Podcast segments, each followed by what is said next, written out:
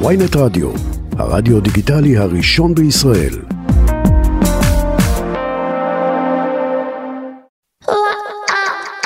עכשיו בוויינט רדיו, ברשת עם בר שמור.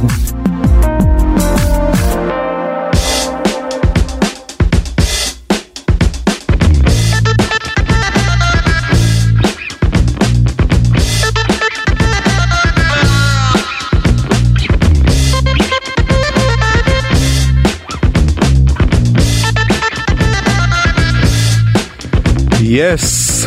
בואנה זה אחלה פתיח, למה אמרת... אתה רוצה קצת איזה פרי סטייל על הפתיח הזה? חכה בוא נתחמם בוא...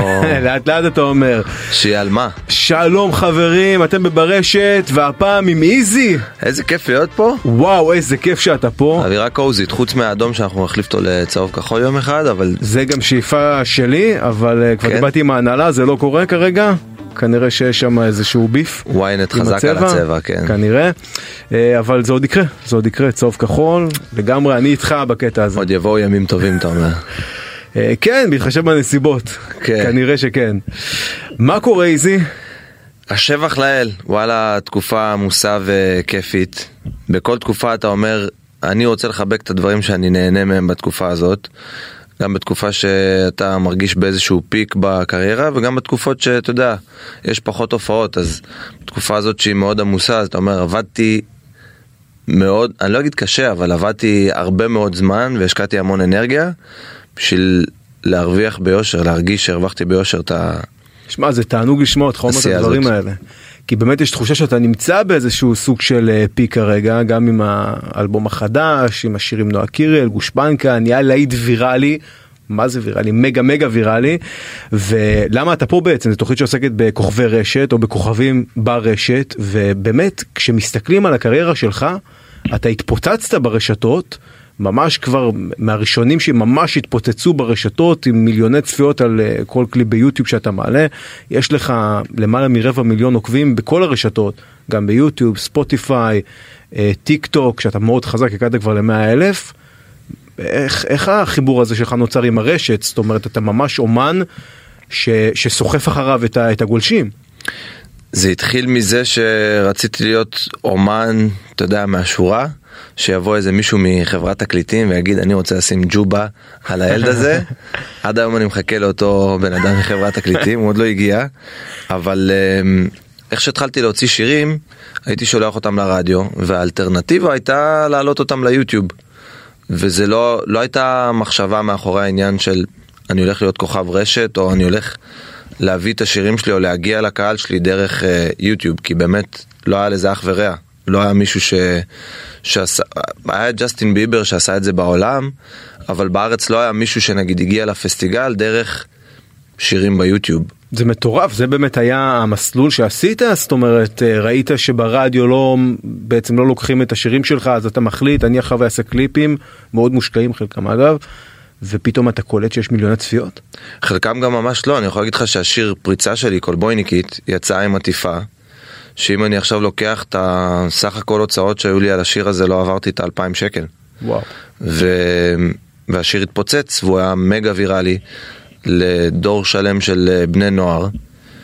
ואז אחר כך יצא קולי באי, ששם כבר, אתה יודע, היו כבר הופעות דרך קולבויניקית, אז באמת יכלתי להשקיע קצת יותר במוזיקה, ואני חושב שזה כל הסיפור של אה, מוזיקאים עצמאיים, שבסופו של דבר הם משקיעים הרבה זמן והרבה אנרגיה בשביל לייצר איזשהו משהו שממנו אפשר להתפתח ולהניע את הגלגל שיניים הזה.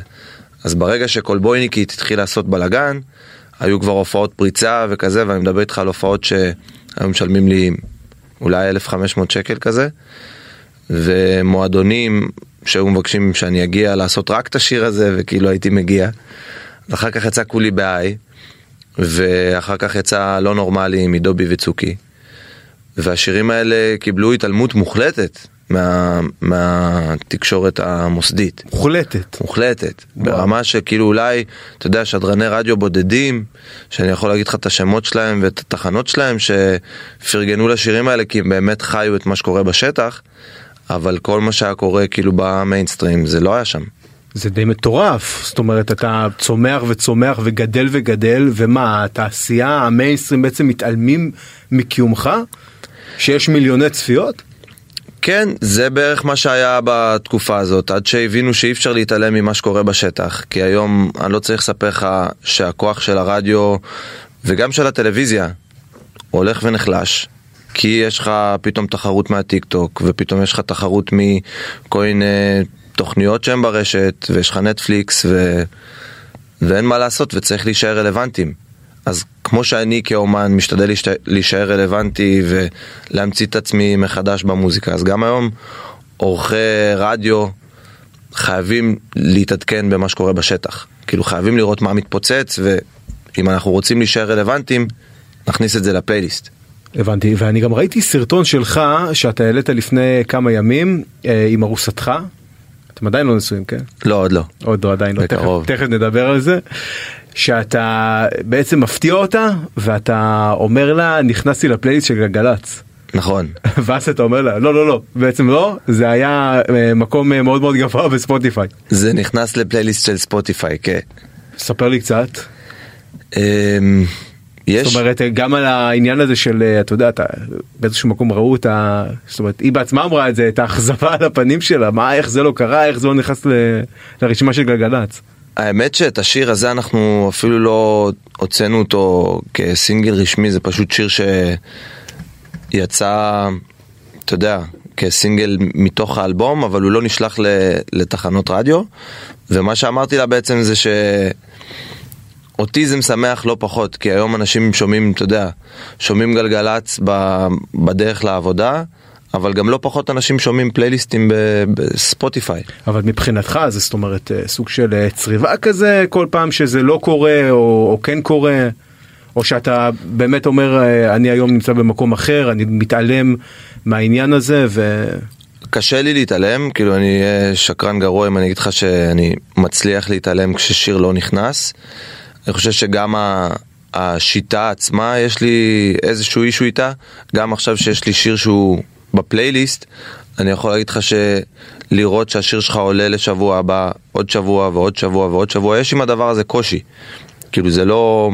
זה לא משהו שעובר לך חלק בגרון, כשכל מי שרוצה יכול לראות מה קורה עם השיר שלך. אבל באיזשהו מקום אה, אתה לא סומך על הרשתות שיעשו לך את העבודה במקום במקום הרדיו במקום התחנות המסורתיות שאתה אומר אנחנו נמצאים ב-2023 אולי באמת אה, אני הקדמתי את זמני והגיע הזמן אולי ש... שהרדיו גם אה, ילך בעקבותיי ולא להפך. אז אני חושב שזה תהליך שהוא קורה, הוא קורה ב... במלא מקומות אנחנו רואים אותו, אני חושב שסטטיק ובן אל זה דוגמה מעולה לחבר'ה שלא יכלו להתעלם מהם כי זה באמת משהו ששבר את השטח והרדיו חיבק את זה. אז אני הגעתי דור לפני, כשעוד לא ממש ידעו מה זה הסיפור הזה של אה, הצלחות שבאות מהרשת.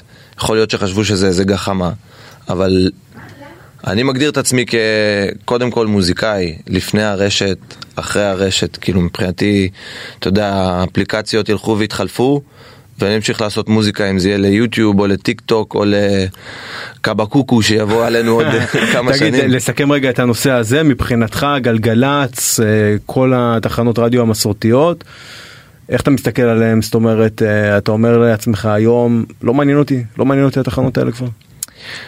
אז שוב, אז אני לא יכול להגיד לך בלב שלם שאני יכול להתעלם מהעניין הזה, כי יש לך איזה סטמפה כזאת שכל אומן שמוציא סינגל רוצה לקבל את הסטמפה הזאת. אם זה כניסה לפלייליסט ואם זה להיות מדורג גבוה במצעדים. להגיד לך שהיום אני מתנהל סביב העניין הזה? לא, אני מתנהל, מרגש אותי לא פחות שהשיר שלי מככב בפלייליסטים בספוטיפיי וששיר קורה בשטח. לדעתי היום שיר אם הוא מתפוצץ בשטח, אם תיתן לי עכשיו שתי אופציות. שיר שנכנס לפלייליסט, או שיר שמתפוצץ בשטח. אני ואולי רוב המוזיקאים יגידו לך, מעדיף שיר שמתפוצץ בשטח. הנה, ענית על ה- על השאלה. כן, אבל אתה אומר. אבל אתה אומר, אני, כאילו, למה לבחור? אם השיר קורה בשטח, תכניסו אותו לפלייליסט. כאילו, זה, זה simple as that. לא, אתה יודע, יש כאלה שאומרים, אה, בסדר, יאללה, נו, נקסט, מה שנקרא, נקסט, יאללה, נשחרר, אה, אנחנו לא בשנת 94, הם לא יחליטו לי, מזל היום שאני יכול לבחור את הקריירה שלי, להיות מוזיקאי עצמאי, אה, ולראות תוצאות בשטח, אתה יודע, יש כאלה שנוקטים בגישה הזאתי, וזה בסדר, אתה יודע, זה בסדר גם לנקוט בגישה, אתה יודע, שמשלבת בין שני העולמות, אבל איך תדע מה יקרה עוד כמה שנים. נכון, אני חושב שאנחנו חייבים להישאר רלוונטיים, לא משנה מי, מי מחזיק את המושכות בסופו של דבר. היום יש לך את האופציה להחזיק את המושכות בידיים שלך. היום יש אנשים שעושים פודקאסטים אצלם בבית, והם מדהימים ומקבלים מלא האזנות. ויש לך אנשים שבונים פלייליסטים בספוטיפיי ויש להם מלא עוקבים לפלייליסטים האלה. אז אני חושב שהרלוונטיות תלויה באינדיביד... באינדיבידואלים ופחות במקבלי ההחלטות בישיבה כזאת או אחרת, או בתחנה כזו או אחרת. יפה. אמרת, אמרת הכל ב- בלהגיד מעט, שזה כישרון, כישרון של ראפר. בעיקרון אני מדבר יותר במוזיקה. הבנתי אותך. תגיד, אה, כשאתה מעלה אבל דברים לטיק טוק והם מתפוצצים וגם השיר שלך גושפנקה פתאום מתפוצץ בטיק טוק וזאת אומרת אתה ממש אה, מוצא את עצמך הופך ללהיט מגה ויראלי זה דברים שאתה צופה אותם מראש או שאתה לא יכול לשער בעצם שיקחו פזמון של השיר החדש וזה יהפוך להיות טרנד. אני אספר לך על האבולוציה של השיר ואז אתה תבין מתוך זה את התשובה לשאלה שלך. ג'וזף שלח לי ביט שהעיף לי את המוח וכאילו כשאני שומע ביט כזה אז אני לא איזה גלאי להיטים אבל הוא עושה לי משהו. הוא אומר על הביט הזה אני לא מוותר. כאילו זה ביט שהולך להיכנס לאלבום. התחלתי לכתוב עליו את הבית הראשון והעליתי טעימה ממנו לטיק טוק. אני השארתי גושפנקה, מתל אביב עד לסרי לנקה, ראס השטן עד לקזבלנקה, בא בדילוגים כמו טטנקה, טטנקה זה בית משוגעים, דש לרן דנקר, זה מה שהעליתי. בטייק אחד אגב, ארבע שורות, כן, שמתי את הביט, ככה בא לך, כן, אמר, מלמעלה כאילו ישר. אמרתי עוד לא הקלטתי את הדבר הזה, ושאלתי את האנשים שהולכים לראות את הסרטון, מה אתם חושבים, כדאי להמשיך לעבוד על הדבר הזה? כשאני עם עצמי יודע שהדבר הזה זה, זה בנקר. ו... ואז דיברתי עם נועה, בלי קשר לשיר הזה בכלל. דיברתי איתה להתארח בהופעה, והיא אמרה כן, אבל יש לי תנאי. שאלתי אותה מה התנאי? שאתה כותב לי שיר. אחלה דיל, כאילו מבחינתי. חצופה, לא? מבחינתי זה ווין ווין ווין ווין ווין. זה כזה, איזה כיף. אה, ואז חשבתי על השיר הזה, איך שהיא אמרה את מה שהיא אמרה בטקסט, ישבתי על ה... זה נתן לי דרייב לשבת על בית, שאם אני עכשיו נועה קירל, מה אני אומר בשיר הזה שכבר התחלתי לעבוד עליו. שלחתי לה את זה באותו יום, היא עפה על זה, היא אומרת לי, עשית לי דמוע, דמעות, כוס עמק, זה מה שהיא כתבה, ושבוע אחר כך היא כבר באה להקליט. וואו. אז ברגע שהכל קורה כל כך אותנטי וכל כך טבעי, אתה אומר, גם אם הדבר הזה יתפוצץ, גם אם הדבר הזה לא יתפוצץ, אני הולך עם הדבר הזה עד הסוף, אני מצלם לזה קליפ, אני הולך לדחוף את זה. אה, שי סולסי הכירוגרפית עשתה לזה ריקוד שהתפוצץ בטיק טוק, מלא אנשים עשו לזה דואטים, אז כאילו אתה אומר הייתה לי איזושהי אינטואיציה שהדבר הזה יתפוצץ מצד אחד, מצד שני הייתי הולך עליו עד הסוף, גם אם זה לא היה מתפוצץ תשמע, בטיק אתה. גורם, אתה גורם לאנשים לאכול את הכובע, אפרופו הכובע, שאתה גם בא איתו לשידור, כן, למרות שאין פה שמש. למה? כי בסופו של דבר, אם אתה אומר לעצמך, טוב, תחנות רדיו יהיה מה שיהיה, וב- ובסוף בסוף זה הופך לטרנד מגה ויראלי, בסוף רודפים גם אחריך. אתה תעשיית הבידור, תעשיית המוזיקה. כי היום אנחנו מכירים איפה שיש את, ה... את הקהל ואת הטראפיק, שם הולכים. אני חושב שאם מישהו רואה את זה ובאמת תוהה לעצמו מה, מה המסר שהייתי רוצה להעביר מה, מהסיפור שלי ומהדרך שאני עשיתי בתעשיית המוזיקה, זה באמת לא לתלות את התקוות שלך באף אחד, לא באף מפיק מוזיקלי, לא באף כותב שירים, לא באף מנהל. חברות תקליטים זה משהו שהוא כאילו נשמע לי כל כך עתיק ולא רלוונטי ברמה כזאת של אין היום תקליטים אז למה צריך חברות שבוא נשנה לזה את השם בוא נשנה חוקי המשחק השתנו. והיום עם מעט מאוד אתה יכול להשיג המון.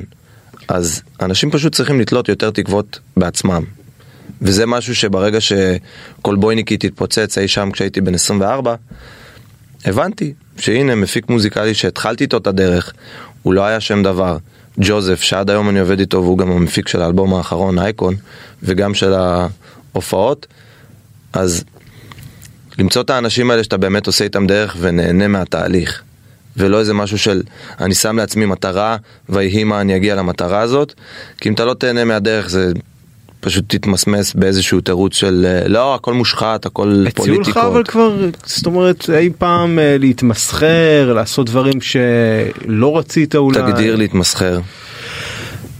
לא יודע, לקחת אה, מוצר ולעשות אה, שיר לאיזושהי פרסומת אה, שאתה ממש לא רוצה לעשות, אבל אתה אומר וואלה, כסף טוב, אולי זה גם הזדמנות אה, קצת אה, להיכנס אה, עוד יותר אה, למקומות... אה, הגישה שלי זה בסוף לשים הכל על המאזניים. אם משהו חורה לך ברמה כזאת שאתה אומר אין מצב, זה כאילו מסרס אותי, זה פוגע לי בנפש בסופו של אתה דבר. יודע מה זה להתמסחר? אני אגיד לך מה זה להתמסחר. כשאתה כותב, כש, כשבעצם כופים עליך לכתוב למשל משהו שאתה לא שלם איתו, מכניסים לך מילים לפה שזה לא באמת בא מהנשמה שלך.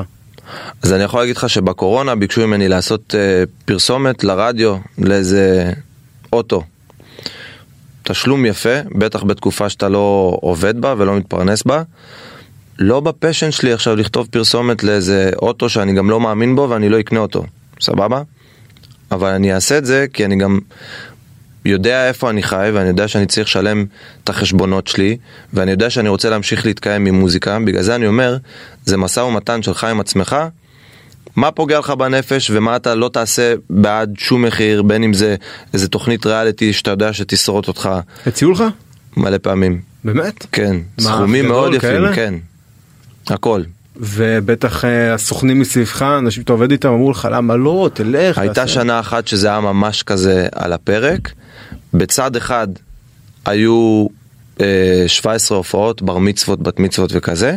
בצד השני, חוזה שהוא פי שתיים ממה שהייתי מרוויח, כאילו עם... אה, ואמרתי זה, זה כאילו הכי לבעוט בדלי, זה א' לבטל את כל האנשים האלה שיש כבר, אתה יודע, הסכמים חתומים ואתה צריך להגיע ו- ולשמח אותם. זה הכי לירוק לבאר, כי אני לא, בחיים שלי לא פינטזתי על להיות כוכב לשם הכוכבות. המהות שלי זה לעשות מוזיקה, זה לכתוב טקסטים ולשבת באולפן ולהופיע. אז לא מעניין אותי אם זה יהיה כאילו מאיזה תוכנית ריאליטי, או מיוטיוב או מטיק טוק. בסוף אני מתחבר למהות שלי, ו... ועל זה זה נפל. וקיבלתי תשובה הכי כאילו מבאסת בעולם מאיזה מישהו שבעבר היה כאילו המנכ"ל של הזה, שמבחינתנו אתה שרוף אצלנו, כזה. וואו. ואני אמרתי, מעולם לא תרמתם לקריירה שלי בשיט, ככה שזה אפילו לא מפחיד אותי, אבל מה, אני עכשיו... מנכ"ל של ערוץ מסחרי גדול? מה אתה אומר? בעבר, כן. וואו.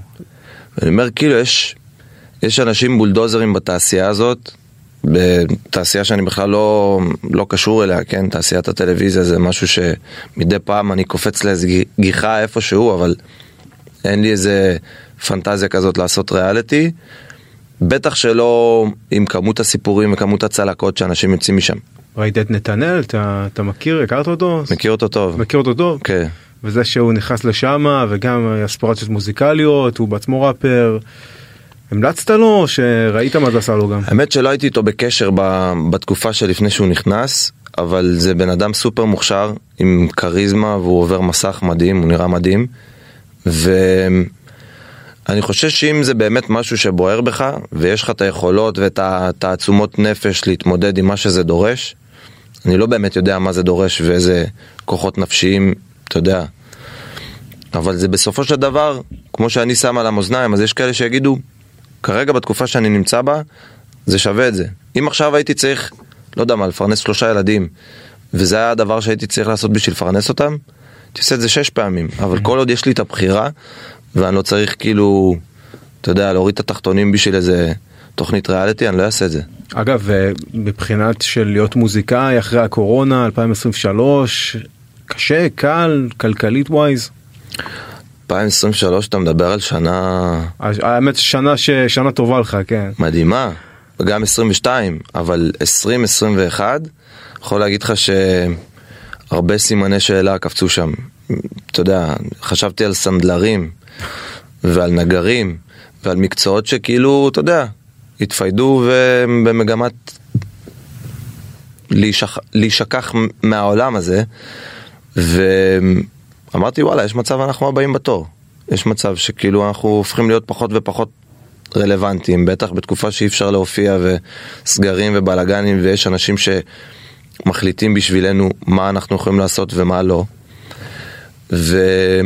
המשכתי ליצור בתקופה הזאת, הוצאתי שלושה שירים שאני סופר גאה בהם כי מבחינה כלכלית לא היה מאיפה. כאילו לא היה, לא היה תקציב לדברים האלה. לא היה אינקאם, היה מעט מאוד uh, תמלוגים גם.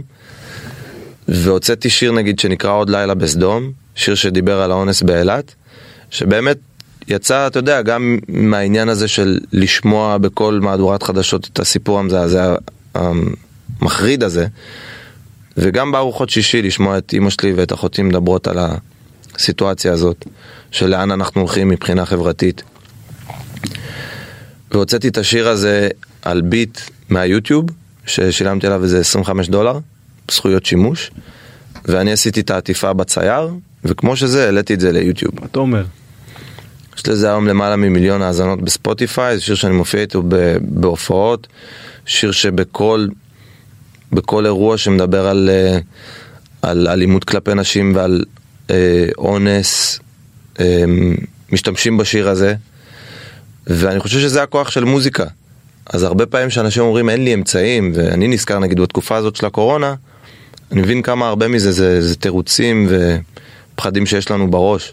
זאת אומרת אפשר גם לשלם על אה, רשימת אה, רשימת ביטים אתה משלם אה, כמה גרושים ויש לך את זה בדיוק כמו שהיה מפיק היית לוקח מפיק בהרבה כסף. אפשר לעשות לך ביט ו... זה מפיק שאם אתה תעבוד איתו ייקח הרבה כסף אבל יש הרבה מפיקים שמעלים את הביטים שלהם ל... ליוטיוב נגיד אתה יודע לשימוש אתה יכול לעשות איתו מה שאתה רוצה כל עוד הוא לא מסחרי ואם הוא מסחרי אז תשלם לי על זה מעט מאוד ברמת ה-25-50 דולר כל השיר הזה לא, לא עלה לי יותר מ-400 שקל. כאילו... קיצר, אתה אומר לראפרים שמאזינים, אם אתם מחפשים תירוצים, אז... uh, אני אומר להם את זה הרבה פעמים, גם בלייבים, גם בזה, אין לי אמצעים, אין לי את המיקרופון שיש לך, אין לי את ה... הכל שטויות. חרטא. הכל חרטא. הבנתי. תגיד, אפרופו השיר אה, שכתבת על האונס באילת, אתה רואה את המצב החברתי במדינה? בטח אה, מצב פוליטי, כן? מה, מה אתה חושב, אתה יודע, בתור אומן אה, מחאה שכתב המון על הנושאים האלה, לאן זה הולך לדעתך? חושב שבסופו... כי האלימות רק הולכת ומתגברת, כך עושה רושם. עושה רושם כי אנחנו גם, אתה יודע, רואים אותה בכל סושיאל מדיה, בכל רשת חברתית אפשרית, כל הזמן מפמפמים לנו אותה במסכים, ואני חושב שיש גם כל כך הרבה דברים יפים שאסור להוריד את העין בדרך לפה. אה, המפיקה דיברה איתי על אה, פרויקט ידידים. אתה יודע, אין, אין מספיק כתבות, אין מספיק אייטמים, אני יודע שפעם שיאיר לפיד היה עוד באולפן שישי, היו עושים אייטם על uh, מישהו שעושה מעשים טובים. קלטו שהרייטינג באירוע הזה יורד דרסטית, ואחרי איזה חודש כאילו הפסיקו עם השטות הזאת. ואני בוחר דווקא להסתכל על, על הרבה בני נוער שמתנדבים, אם זה בכנפיים של קרמבו ואם זה בהקים, איפה שאני התנדבתי בצעירותי בכפר סבא. האנשים האלה זה אנשים שכאילו, אתה יודע, אתה יונק מהם כל כך הרבה השראה וכל כך הרבה אופטימיות ואתה מקבל כזה חיזוק על איזה מקום טוב אנחנו, באיזה מקום טוב אנחנו נמצאים, כי זה מה שכל הזמן בפוינט אוף יו שלך. אנשים שקמים בבוקר ומחליטים לעזור לאחרים ולתרום לקהילה, זה אנשים שאני מאחל לעצמי כאילו להקיף, להקיף את עצמי בהם. ואם אני באמת אהיה שקוע כל היום במה מראים לי בטלוויזיה וב, ובאפליקציות, באמת ירגיש שכאילו אנחנו הולכים לאבדון. אגב, אפרופו אלימות, אה, קללות, אה, שימוש בגסויות, אה, גס, גסויות, זו מילה עתיקה כזאת, כן. כן?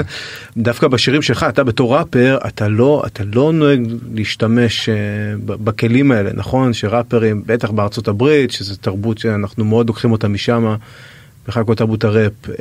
השירים שלך הם קצת קצת אחרים נכון יש כאלה אפילו שיגידו אולי טיפה יותר חינוכיים זה הגדרה נכונה או ש...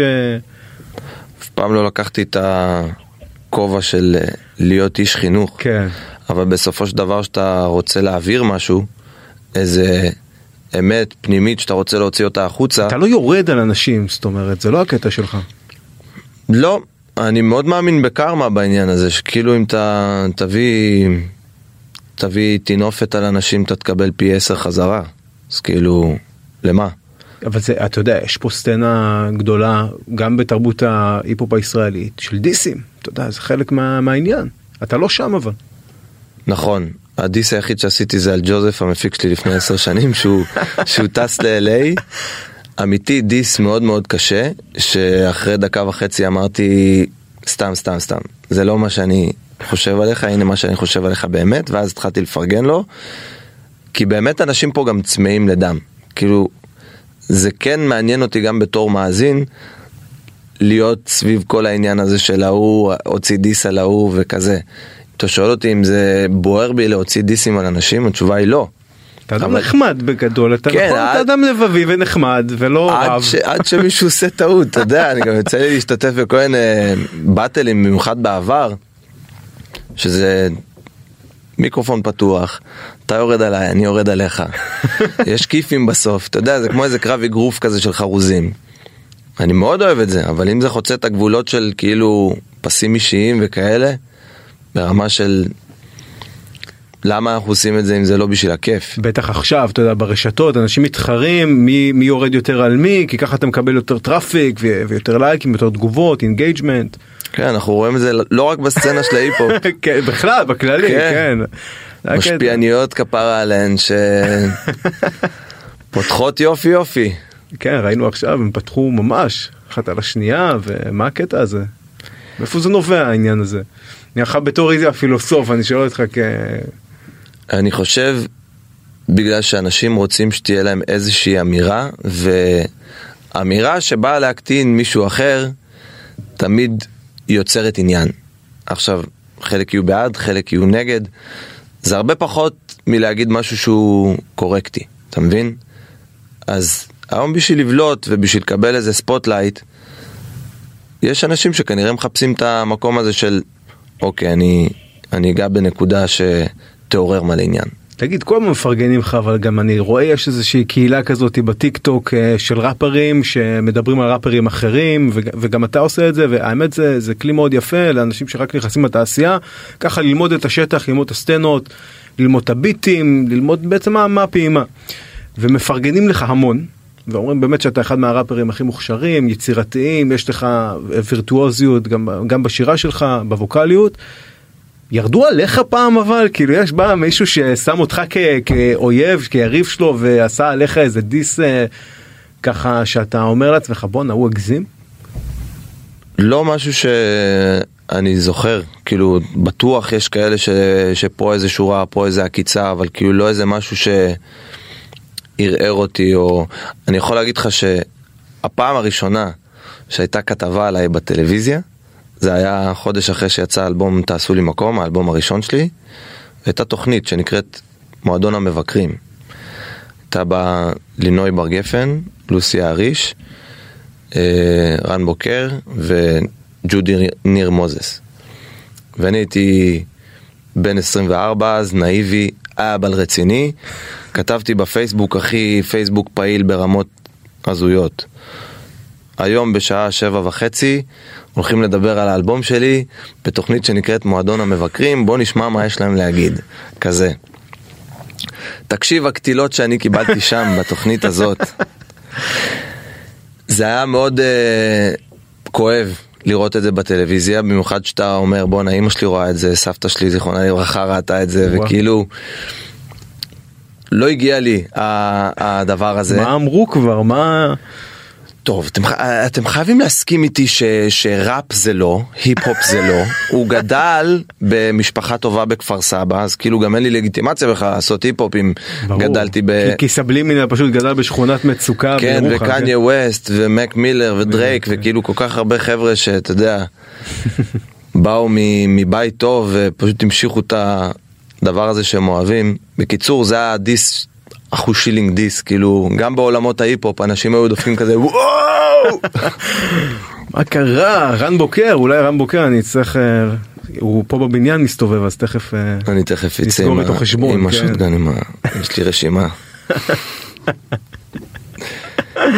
אז אתה אומר אתה לא אתה לא שם אבל עדיין אני ראיתי שאתה עשית באחד מהסרטונים שלך דווקא בטיק טוק אה, מישהו כתב איזושהי תגובה ואמרת בוא, בוא נדבר איתו פתחתי סוגריים, אתה אומר. פתחת סוגריים נכון זה נקרא פתחתי סוגריים נכון אבל זה כן אתה מסתכל על השיימינג ואתה אומר לפעמים לפעמים חשוב אה, להחזיר או להגיב על הדברים האלה. אני חושב בשביל החבר'ה הצעירים, שפחות יש להם את הכלים המנטליים להתמודד עם, אה, עם הייט, אנחנו, חלק מהתפקיד שלנו, זה לדעת גם לשים את הגבולות ולהגיד איפה מישהו חוצה את הגבול ואיפה מישהו... כאילו יש כל כך הרבה דברים טובים, יש כל כך הרבה מוזיקה טובה. למה שלא תשקיע את האנרגיה שלך בלשמוע את השיט שאתה אוהב ולפרגן לאומנים שאתה אוהב? למה אתה משקיע עכשיו כל כך הרבה שורות ואני קורא עוד שורה ועוד שורה ואני אומר, באיזשהו שלב אתה אמור לעצור את השיר אם אתה לא אוהב אותו. איך הגעת למצב שאתה משקיע יותר זמן בתגובה שאתה כותב עליי מאשר הזמן של השיר? כאילו זה לא הגיוני. ועל זה עשיתי סרטון שלם, שגם בסופו נכנסתי לאותו פרופיל של בן אדם, ראיתי את התוכן שהוא מעלה וגם באיזשהו מקום פרגנתי לתוכן שהוא מעלה ואמרתי לו, קח טיפ ממני, תשקיע קצת יותר אנרגיה בלקדם את עצמך, בלשווק את עצמך, במקום לטנף על אחרים. וזה לאו דווקא משהו שבאמת פגע בי ברמה האישית, כי אני כאילו גולל תגובות כאלה ככה, אבל אמרתי, בשביל האימפקט שסרטון כזה יכול לעשות לילד בן 14, לי, בתור ילד בן 14 שעכשיו רצה להוציא שירים והוציא שירים, והיה מקבל תגובה כזאת, יש מצב טוב שזה היה מערער אותי, ואין סיבה שאפס כזה כאילו יערער אותי, שישקיע ב, בעניינים שלו. זה ערער קצת אבל באיזשהו מקום? ממש לא. לא, לא. בשום צורה. ממש לא. כי זה יהיה לא פייר להגיד שכן, אם, אם אתה מקבל כל כך הרבה אהבה, וזה כאילו טיפה בים, זה הטבע האנושי, אתה יודע, אנחנו מקבלים 100 תגובות טובות, מישהו אחד אומר לנו משהו רע, אנחנו עכשיו לוקחים את זה, יממה שלמה סוחבים את זה, ו... ברור שזה מקבל אצלנו יותר spotlight בעין, אבל בסופו של דבר אתה לא הולך לישון עם זה. אתה הולך לישון עם זה שיש לך אה, ככה וככה הופעות, ושמזמינים אותך לדבר בפודקאסטים, וחברות האופנה רוצות שתלבש את המותגים שלהם, ו- וכל מיני דברים כאלה, ובסופו של דבר אתה אומר, אוקיי, אז על המאזניים הוא פה, ואני נמצא במקום אחר וזה בכלל לא בפריים. תגיד, אפרופו אנשים שמאוד אוהבים אותך, וקצת דיברת על זה, נועה קירל, באמת, מה, היא הייתה מעריצה שרופה שלך, נכון? בתור ילדה, היא סיפרה בעצמה שהיא הייתה באה להופעות שלך, מתפלחת. מה, איך קרה החיבור, גם אז אגב אתה הגבת לה ב- בפייסבוק, אבל מה, החיבור הזה, הוא נוצר, אה, זאת אומרת, משהו ש, של שנים, זאת אומרת, חברים, התכתבויות, אה, מדברים על מוזיקה. הזמינו אותי להופיע בבת מצווה שלה. משם זה התחיל. simple as that. משם, מה, בת מצווה? כן. מה אתה אומר? וואו. אז הופעתי. הופעתי בבת מצווה שלה, ואבא שלה הסב את תשומת ליבי לזה שהיא הולכת לשיר עוד מעט לפני שאני עולה לבמה. והיא באמת שרה טוב. כאילו, לא אגיד לך עכשיו שאיך ששמעתי אותה בבת מצווה אמרתי זה הולך להיות הדבר הגדול הבא, אבל העקשנות שלה ו... וגם של אבא שלה, יאמר לזכותם, של במשך שנתיים לחזר ולבקש שאני אכתוב לה שיר, ואז בגיל 14 כתבתי את השיר הראשון שלה שנקרא מדברים. ראיתי כמה היא משקיעה בתוך הדבר הזה שנקרא מוזיקה, אז כאילו ההשקעה הזאת זה משהו שאני לגמרי מאמין בו. ולראות מישהי שהיא כל כך עקבית והולכת לפיתוח קול ומשקיעה בריקוד ובמשחק ומגיעה לאולפן וסופר חשוב לה להיות טייט בגיל 14 ואז לפגוש אותה עוד פעם כשהקלטנו את גושפנקה, אתה אומר, היא הרוויחה את מה שהרוויחה הכי ביושר בעולם, כי היא באמת עבדה קשה בשביל זה, ברמות של... רוב האנשים לא יצליחו להיות כל כך מסורים לעבודה שלהם, לא משנה כמה הם אוהבים אותה. אתם הייתם בקשר? זאת אומרת, כתבת לה שיר בעצם כשהייתה בת 14, ומאז המשכת לכתוב לה, או שהקשר קצת נותק ועכשיו זה לא שהוא? נותק, המ- המשכנו לפרגן, אתה יודע, בקטע של שירים, שהיא שומעת שיר שלי שיוצא ושאני שומע שיר שלה שיוצא, הפרגון הוא מאוד גדול, גם, אתה יודע, התעשייה היא כל כך קטנה, אז היא פתאום עובדת עם ג'ורדי. התחלתי את העבודה עם ג'ורדי הרבה לפני סטטיק ובן אל, וכאילו פתאום כל החיבורים האלה, זה הכל חבורות שהתגבשו מתוך איזה משהו שאתה יודע, קרה באופן מאוד אותנטי. אז החברות הזאת נשמרה לאורך השנים. הגעתי לפארק הירקון לראות אותה כמו, אתה יודע, אבא שלה הזמין אותי והוא אמר לי, תראה, תראה מה עשית, כזה, ואני אומר, אני לא עשיתי כלום, זה היא עשתה. כאילו, אני בסך הכל כתבתי לה שיר אחד. זה מה שהוא אמר לך? תראה מה עשית? כאילו, מה שהוא אמר, אה, הוא אמר, ת- הוא הנבואה- תולה את כל עניין תופעת נועה קירל בשיר הראשון שכתבת לה? לא, הוא אמר שכאילו השיר הזה הוא כמו איזה נבואה שהגשימה את עצמה. כאילו לא אכפת לי מה אומרים עליי, מדברים, מה הם כבר יודעים עליי, אני חי בשביל אלה שמתים עליי, בוא תשים לי את הטינה ננניננה, עוד, ש... עוד שאף אחד לא הכיר אותך, את אומרת לא אכפת לי מה אומרים עליי, זה כאילו, יש בזה משהו מאוד יומרני. אבל היום שאתה שומע את הטקסט הזה, אז אתה אומר, וואלה, הרוויחה את זה. היא גם אה, חזתה את זה באיזשהו מקום. כן. אתה חזית את זה.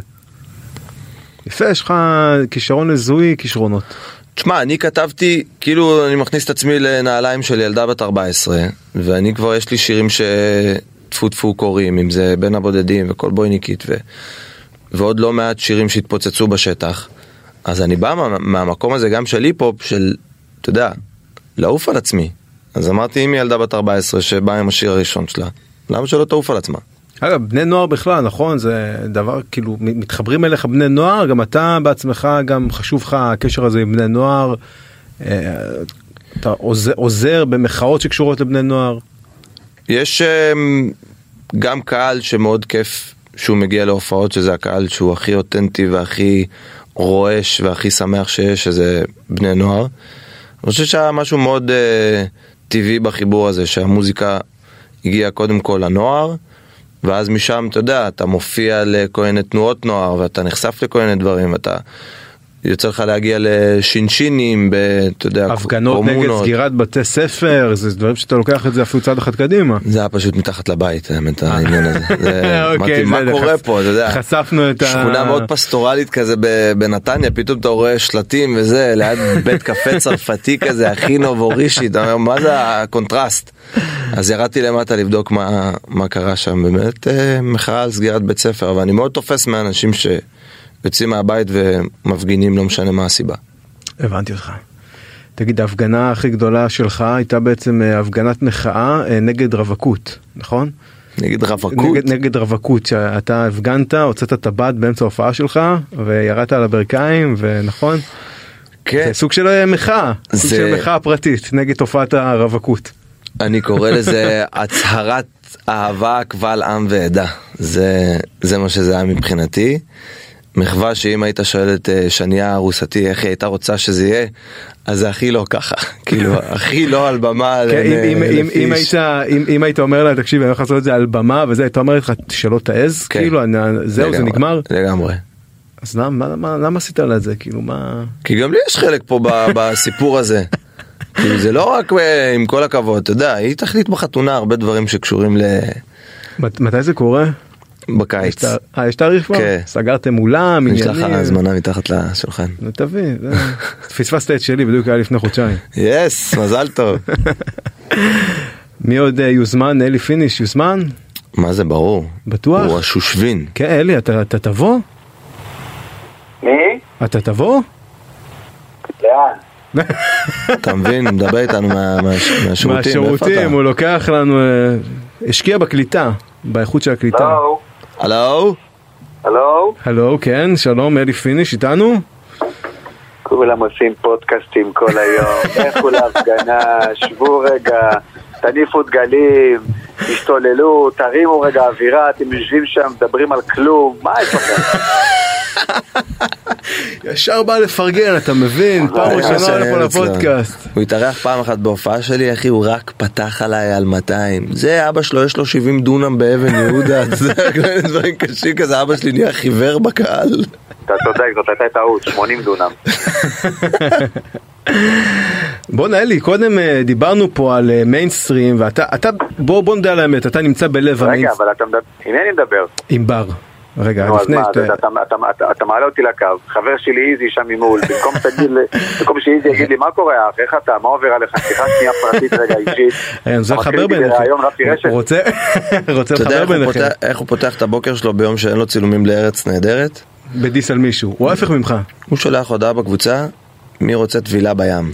ככה, עכשיו, רוב החברים, אתה יודע, עבודות רגילות, דיילי ג'ובס כזה, והם פשוט פותחים עליו על 200 בהקלטות קוליות. לא דווקא באתי כאילו להרים לך ש- שתפרגן לאיזי אבל אם אתה רוצה לקחת את זה מכאן אז אתה מוזמן איזי אתה. אתה מוזמן לקחת את זה מכאן. אני חושב שהים? למי אומר, לי או לך? לא לשניכם האמת. לא הבנתי, זה הנעה לפעולה, זאת שאלה, לא הבנתי. לא זהו אני פשוט אני אקום אני אלך אני אשאיר אתכם פה תרדו אחד על השני אני כל- אספר כל לך- הדיסים שאתה לא, לא עושה. אבל זה אהבה, כן, כן, זאת לגמרי. אהבה, זאת אהבה. זה- בנתניאתית זה ככה מראים אהבה מסתבר. כן. בדיוק, זאת נטו אהבה, מה- מה מה אני אגיד לו, אני רק אחמיא לו, מה אנחנו בנות כן, מרמת כן, דוד? תחמיא לו, ת- תחמיא לו, למה לא? בדיוק דיברנו פה על החמאתי לו, גלגלצ. בקודפונים דונם, מה מה יש יותר להחמיא מזה? זה לא זה לא רק כסף, לא הכל דונמים בחיים. האלה. בוא נספר על איך הכרנו, כי הכרנו בפסטיגל. מה הקשר ביניכם באמת? מה? הכרנו בפסטיגל יופי. ב-2012, ויאמר לזכותו שהוא היה קצת סנוב בפסטיגל הזה, ולא היינו כאילו החוקים. אבל הים והאהבה שלנו לגלישת גלים, היא הידקה את החברות בינינו, והיא הפכה את האהבה ל- למאוד גדולה. אבל הוא לא יכול להגיד איך אתה גולש באמת. הוא יכול להגיד איך אני גולש באמת, אבל אנחנו... וואלה, גולש טוב, גולש טוב. יחסית לזמן, תשמע, גלישה זה אחד, ה... אחד התחביבים שהכי... עקומת ההתקדמות והשיפור בהם היא הכי איטית. למה? כי לא יודע להסביר. רק, אה, רק זה שזה, שאולי אין, אין פה מספיק גלים, ואנחנו לא גולשים כל יום כמו שהיינו בוא, רוצים. בוא נודה, כאילו- אלי, עזוב, עזוב עם הפוזה, נו, בוא, אין פה ים, אין פה גלים, יש פה תרבות גלישה של אה, מטר וחצי גובה, בוא, זה... מטר וחצי, הלוואי כל יום, איפה אתה חי? מטר לא וחצי. אחי, אנחנו חותמים על זה, וכל אחד גם נותן כליה על הדרך.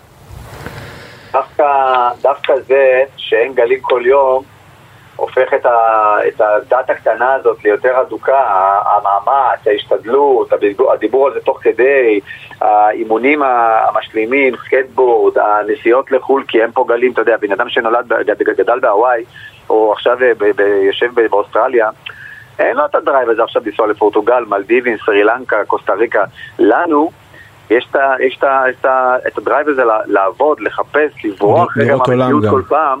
כן, כדי להרוויח את הגלים האלה, להרוויח את הדבר הזה, כי זה הדבר שאנחנו הכי אוהבים לעשות, מה לעשות? ואנחנו לא מתאגרף, לא כמו מתאגרף, בא לו עכשיו ללכת רגע להתאגרף, הולך שנייה לשק. להיות יורד רגע שלו, למכולת. בדיוק, יורד שנייה למכולת, בדיוק. יורד לכביש פה, כן. כן, או לבריכה עירונית. בכיף עושה, אבל אנחנו כאילו צריכים לחפש, אה, לחפש את עצמנו. אז זה הופך את זה ל... למרתק יותר, ל, ל, ל, למעניין יותר, ל, לסיזיפי יותר, אתה לא, אתה לא גולש, אתה צריך להתאמן רגע, לעשות קצת אימונים בבית כדי לשמור על כושר. זה מעניין, אתה לא יכול... יש, מה, יש פה תרבות אגב גלישה משוגעת, אגב זה אחד אבל, מעשרת אבל הספורט את, ה- אתם כת אה, יחסית אה, קטנה, נכון? רגע, אתה, איזי, אתה הצטרפת בשנים האחרונות? זאת אומרת, זה לא משהו שהיה מילדות? לא, זה היה ממש מגיל, מ-2014, צוק איתן, כל הקיץ התבטל, כל ההופעות התבטלו, ואמרתי יש, יש זמן לאיזה תחביב. והלכתי לעשות שיעור גלישה בחוף פולג. גיל 27 זה גיל שמאוד קשה להתחיל בו לגלוש. תחשוב שכשילדים מתחילים אז זה כמו ללמוד שפה. גם השיווי משקל, גם ההבנה של איך לראות את הים, אתה יודע, מאיפה באה ההתקפה, בטח בארץ. אני יכול לראות אבל את ה... אתה יודע, את הפלואו הדומה בין אה, לרפרפ לבין להיות בים, זאת אומרת, אתה צריך להיכנס לתוך איזשהו זון. חושב שגם גם לקומיקאי וגם לאנשים בכלל שהם יוצרים, כל אחד צריך את השקט הזה ש, שהמחשבות ירוצו ולנקות את עצמך מכל השיט שאנחנו עוברים ב, ביום יום וזה אחד מהדברים הכיפים האלה, אם פעם הייתי חי נגיד מהופעה להופעה וזה היה הדבר היחיד שכאילו מעסיק אותי, מתי ההופעה הבאה? מתי האירוע המוזיקלי הבא? פתאום זה מסוול לסוול, זה מטיול גלישה לטיול גלישה. ואתה ואלי נוסעים ביחד? כן, הרבה פעמים. איפה, איפה היה האחרון? סרי לנקה עכשיו, סרי לנקה. כן. וואלה. סרי לנקה עכשיו, וואי, איזה כיף. שמע, אנחנו חיים במדינה כל כך משוגעת. כל כך משוגעת, כל כך הרבה דברים קורים. אתה יודע, אנחנו פה, החדשות שלנו, כל יום זה זוועות, דברים, לכאן, לכאן.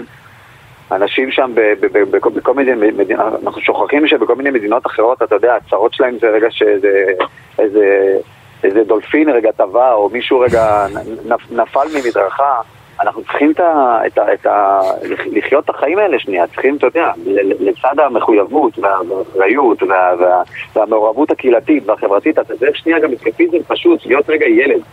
ובים, וואלה, יש לנו מקום, אתה יודע, אי אפשר לקחת את הטלפון לשם, אי אפשר לקחת שום דבר, אתה יכול לקחת רק את עצמך ואת הגלשן, ואתה פתאום חווה איזשהו רגע שהוא זן, אתה במים, אין מחר, אין אתמול, אין, אין, אין אחר כך, אין פגישות, אין עניינים, אין חדשות, יש רק אתה והמים, והחקירה. והנפילות, וההתמודדות, וה, וה, וכל מה שהגלישה מביאה. תגיד אלי, במשפט לפני סיום, אה, אם היו אומרים לך לוותר על כל הכוכבות, על כל התהילה, זה או זה או הים, מה היית בוחר?